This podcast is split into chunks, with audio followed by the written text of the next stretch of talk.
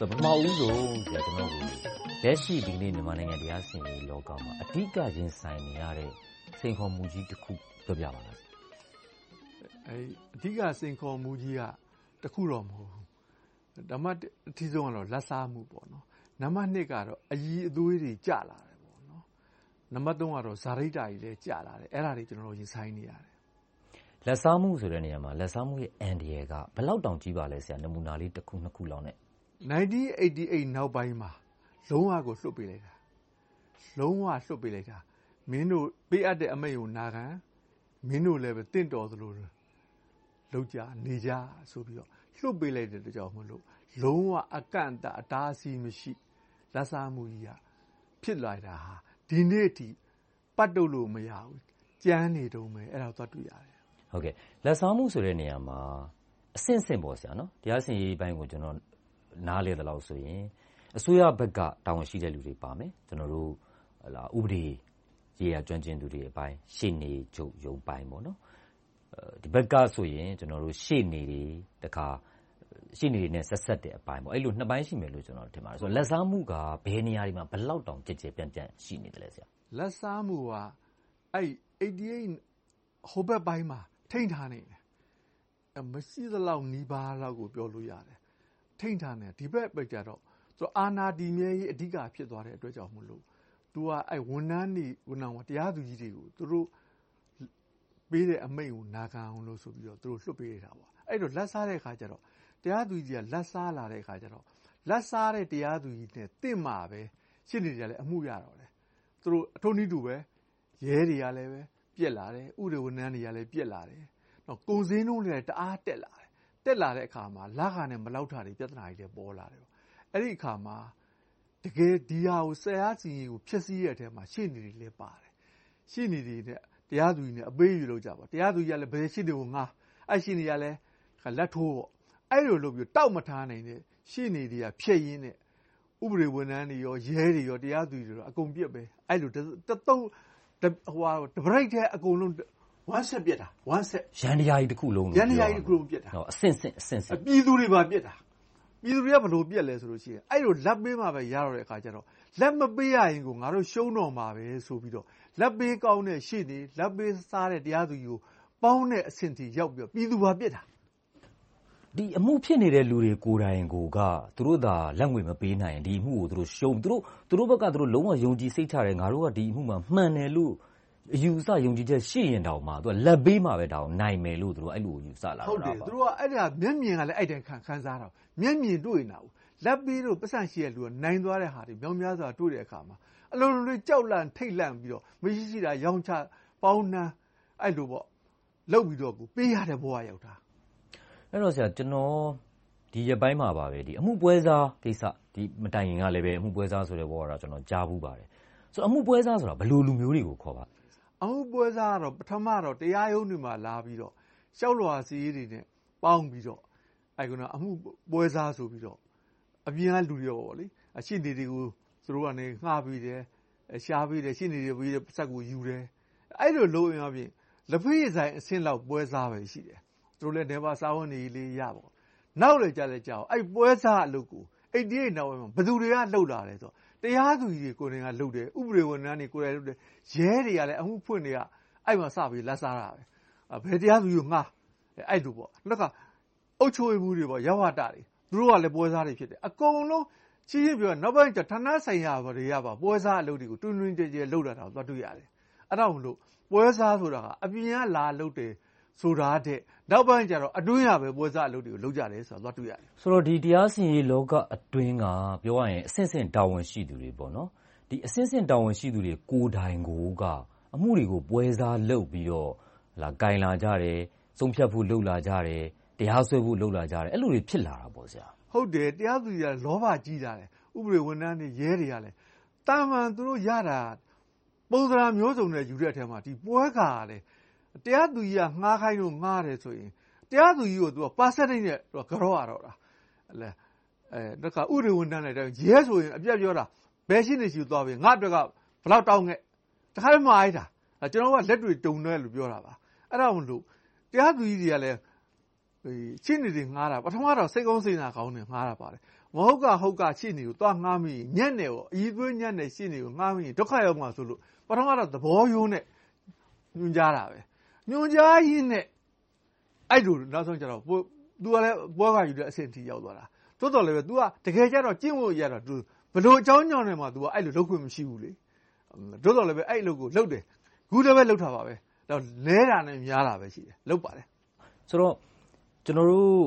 ကျွန်တော်မှီတဲ့အချိန်ပေါ့ဆရာနော်ကျွန်တော်မွေတဲ့အချိန်နဲ့ကျွန်တော်မှီတဲ့အချိန်ပေါ့ဥမာ88မတိုင်ခင် social ခေတ်ကျွန်တော် တို့88ကနေပြီးတော့ဒီနောက်ပိုင်းကာလ ကောင်းကောင်းမှီတယ်ပေါ့ဆရာဆိုတော့88ကနေ ဒီနောက်ပိုင်းကာလ ကျွန်တော်တို့ ကောင်းကောင်းနားလည်တဲ့အချိန်တွေ အခုအပြုပြင်ပြောင်းလဲလုပ်နေတဲ့ကာလ မတိုင်ခင်အထိပေါ့အဲ့ဒီအချိန်ဒီကာလကဆိုရင်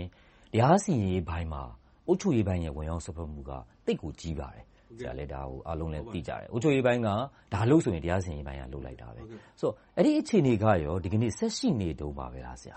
အုပ်ချုပ်ရေးဘိုင်းက ဝင်ဆွတ်ဖက်တာကတော့ နိုင်ငံရေးအမှုတွေလောက်ကလွယ်လို့ကျန်တဲ့အမှုတွေမှမရှိတော့ဘူးခိုးတော့ကတော့အကုန်ဆွတ်ဖက်တာပဲအကုန်ဆွတ်ဖက်တာအခုတော့ငါငါခါဝေးလိုဟာမျိုးတွေနောက်20ခွန်1လိုဟာမျိုးတွေနောက်124လိုဟာမျိုးတွေအဲ့ဒီမှာကတော့ဟိုတိုက်ရိုက်ကြီးမဟုတ်တော့မှာပဲအဲသူတို့ကိုဟိုသတိကြောက်လာကြောက်အပေါ်ကိုကြောက်ရတဲ့ဟိုကျွန်တော်ဟိုအာဂရိတရား၄ပါးမှာကြောက်တဲ့ပေါ့ဘရာဘေးပေါ့အဲအဲ့ဒါတွေကတော့ရှိနေတော့မယ် အဲ့ဒါသွားတွေ့ရတယ်နောက်တစ်ခုကဒီတရားသူကြီးချုပ်ကိုတည်းကစစ်ဘိုလ်စစ်တပ်ကဦးသိန်းစိန်ဆိုဦးတန်းရွှေခန့်ပေးခဲ့တဲ့တရားသူကြီးချုပ်ကိုတရားသူကြီးချုပ်ဆိုသူကိုယ်တိုင်ကစစ်ဘိုလ်ဖြစ်တဲ့အခါကျတော့သူကိုယ်တိုင်မှကိုဒီမိုကရေစီအသွေးအရောင်စိတ်တက်တဲ့စစ်ကခန့်ခဲ့တဲ့အသွေးအရောင်တွေပါပဲသူ့မှာများသွားပြင်စီးနေပြီးတော့အဲ့တိုင်းပဲသွားနေတဲ့ဟာတွေကအခုထိမပြောက်သေးတာတွေသွားတွေ့ရတယ်ဒါလို့တရားသူကြီးချုပ်ကဒီမိုကရေစီရခန့်ထားတဲ့ခေတ်မှာခန့်ထားတဲ့တရားသူကြီးချုပ်ဖြစ်ရင်တော့ ပိုးပြီးတော့ ဒီတဲ့ပိုပြီးပြင်းမယ်လို့ စွတ်ဖက်မှုတွေလည်း နည်းလိမ့်မယ်လို့ အဲ့လို ယူဆရတာပဲလေဟုတ်ကဲ့ဆရာကပြောတဲ့မှာဗျာဂတိပေါ့နော်စိုးရိမ်ပြီးတော့ ကြောက်ပြီးတော့ ငါ ဒါကို ဒီလိုများ ဆုံးဖြတ်လိုက်ရင် အပေါ်အများ ငါ့ကို စိတ်ဆိုးမလားညှို့ညင်မလားဆိုတဲ့ စိတ်နဲ့ တရားသူကြီးတွေက ဆုံးဖြတ်တာပေါ့ တိုက်ရိုက်တော့ဟလာအုပ်ချုပ်ရေးပိုင်းက ဒီမှုတော့ဒီလိုဆုံးဖြတ်လိုက်ထောင်ဘလောက်ချလိုက် လွတ်ပေးလိုက်ဆိုတာမျိုးတော့ မရှိတော့ဘူး ဆိုတော့ အဲ့ဒီနေရာမှာဟလာကျွန်တော်တို့66ကကြီးတို့ အများအပြား905ခါခွေးတို့ဟလာငိမ့်စုစီဥပဒေတို့ ဒီလိုမျိုးတွေပေါ့နော်ဒီနေ့ဒီနေ့ခေတ်မှာ အများဆုံးဖြစ်တာဆိုတော့ ဥပမာ အမှုတစ်ခုဖြစ်တယ်ဆိုကြပါစို့ကျွန်တော်တို့ဟလာ905ခါခွေးလိုမျိုးဟလာ66ကကြီးလိုမျိုးငိမ့်စုစီလိုမျိုးဖြစ်ရင် သတင်းသမားတွေကလည်း တာဝန်ရှိသူတွေ မေးတယ်ဆိုတော့အဲ့လိုမျိုး တာဝန်ရှိသူတူးက သူတို့နဲ့ ဒေတာပေါ့နယ်မြေတိုင်းဒေတာကြီးပဲဖြစ်ဖြစ်ကျွန်တော်တို့ပြည်တော်စုပဲဖြစ်ဖြစ် ပြည်နယ်ပဲဖြစ်ဖြစ် ဖြစ်နေတဲ့အချိန်မှာ ပေါ်လာတဲ့ ကိစ္စရပ်တစ်ခုပေါ့သတင်းသမားတွေကမေးလို့ သူက တခုခုပြောလိုက်ရင် အဲ့ဒီလိုပြောလိုက်တဲ့ဟာက တရားသူကြီးတွေအတွက် ဘယ်လိုခေါ်မလဲဆရာလွှမ်းမိုးမှု သွားဖြစ်သွားစေသလားအဲတခုတော့ရှိတာပေါ့လေမီဒီယာကလည်းပဲအမှန်တန်ထက်မြက်တဲ့ ဟိုရန်ရာတခုဆိုတော့ မီဒီယာတွေရဲ့ဥစ္စာကိုလည်းပဲတတိမထား သဘောမထားဂယုမထားလို့တော့ မရဘူးပေါ့လေသို့တော်လည်းပဲ အဲ့ဒီမီဒီယာတွေဟာကိုဂယုထားတာတဲ့ကျွန်တော်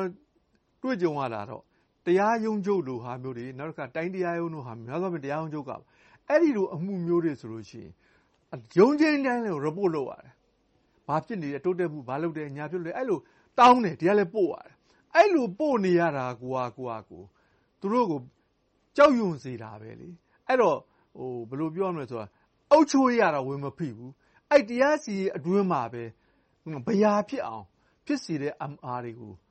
လာလှုပ်ထားတဲ့ဟာမျိုးတွေတွေ့ရတဲ့အခါမှာလွတ်လပ်တဲ့တရားစီရင်ဖြစ်တယ်ဆိုတဲ့ဥစ္စာပေါ့များစွာတန်တရားဖြစ်เสียကောင်းတယ်ပေါ့လေဟုတ်ကဲ့လက်ရှိနိုင်ငံတော်သမ္မတဦးဝင်းမြင့်ကိုယ်တိုင်ကဒီတရားရေးလောကကလေးကသွားတဲ့ ဝိုင်းရှိနေလို့ကျွန်တော်တို့ပြောရမယ်ရှိနေကြည့်တယောက်ပေါ့နော်ဆင်နော်ဥပဒေအကြောင်းလည်းကျွမ်းကျင်တဲ့တရားစီရင်ပိုင်းလည်းကျွမ်းကျင်တယ်သူသမ္မတဖြစ်ပြီးနောက်ပိုင်းမှာလည်းပဲဒီတိုင်းဒေသကြီးနဲ့ပြည်နယ်သက်ဆိုင်ရာတာဝန်ရှိသူတွေနဲ့တွေ့တဲ့အချိန်တိုင်းမှာတရားစီရင်နဲ့ပတ်သက်လို့ကျွန်တော်တို့ဟိုတလောကဆိုရင်ဟလာလူတွေကြားမှာစိတ်ဝင်စားဖြစ်နေတဲ့အမှုတွေနဲ့ပတ်သက်လို့သူကပြောလိုက်တဲ့အပြောင်းအလဲတွေလည်းဖြစ်သွားတာရှိတယ်ဆိုတော့လက်ရှိသမ္မတဦးဝင်းမြင့်ရဲ့တရားစီရင်ပိုင်းဥပဒေပိုင်းလှုပ်ဆောင်ခြင်းနေတဲ့စိတ်ပေါ့နော်ဆရာအဲဒီလှုပ်ဆောင်ခြင်းနေတဲ့စိတ်ကတရားစီရင်လောကအပြောင်းအလဲဖြစ်လာဖို့အတွက် ရောင်ကြီးဘယ်လောက်လောက်များရှိတယ်လဲဆရာကျွန်တော်ကတော့ရောင်ကြီးဒီမကတော့ဘူးတော်တော်ရာဂိုင်နှုံးအားဖြင့်ဆိုရင်ကို